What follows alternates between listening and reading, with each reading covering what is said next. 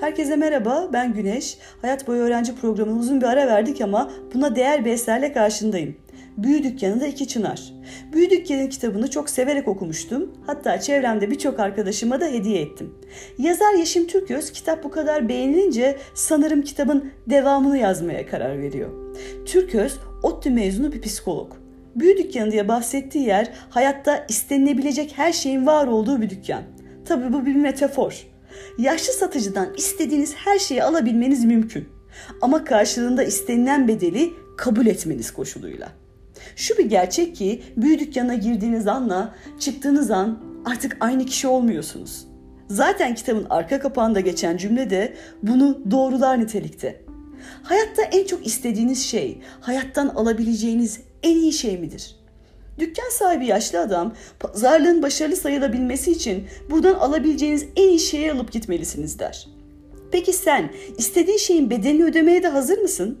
Sevdiği adamın sonsuza kadar yanında olmasını isteyen kadın müşteri karşılığında aşık olma duygusunu vermeye hazır olduğunu söylüyor.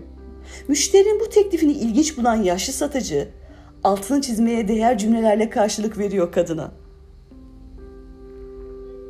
Siz mutlu bir son için aşık olma ihtimalinizi feda etmeye hazırsınız. Oysa gerçek hayatta mutlu son değil, mutlu an vardır. Elde etmek istediğiniz şeye kavuştuğunuz an bir mutluluk anıdır. Ama hayatı o noktada donduramazsınız. O akıp gitmeye devam eder.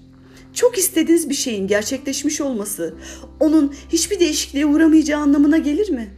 Ya da çok güçlü bir istek duyuyor olmanız onun hiç azalmayacağı ya da bitmeyeceği anlamına. Büyü Dükkanı ve kitabın devamı olan Büyü Dükkanı'nda iki çınar beni çok etkileyen kitaplardan oldu. Kitaplığında yer alması gereken bu iki esere şans vermeni tavsiye ediyorum. Böyle bir şansın olsa sen büyü dükkanından ne isterdin? Ve tabii karşılığında ne bedel ödemeyi kabul ederdin? Hayat da böyle değil mi? Bedelini ödemediğimiz hiçbir şey aslında bizim olmaz.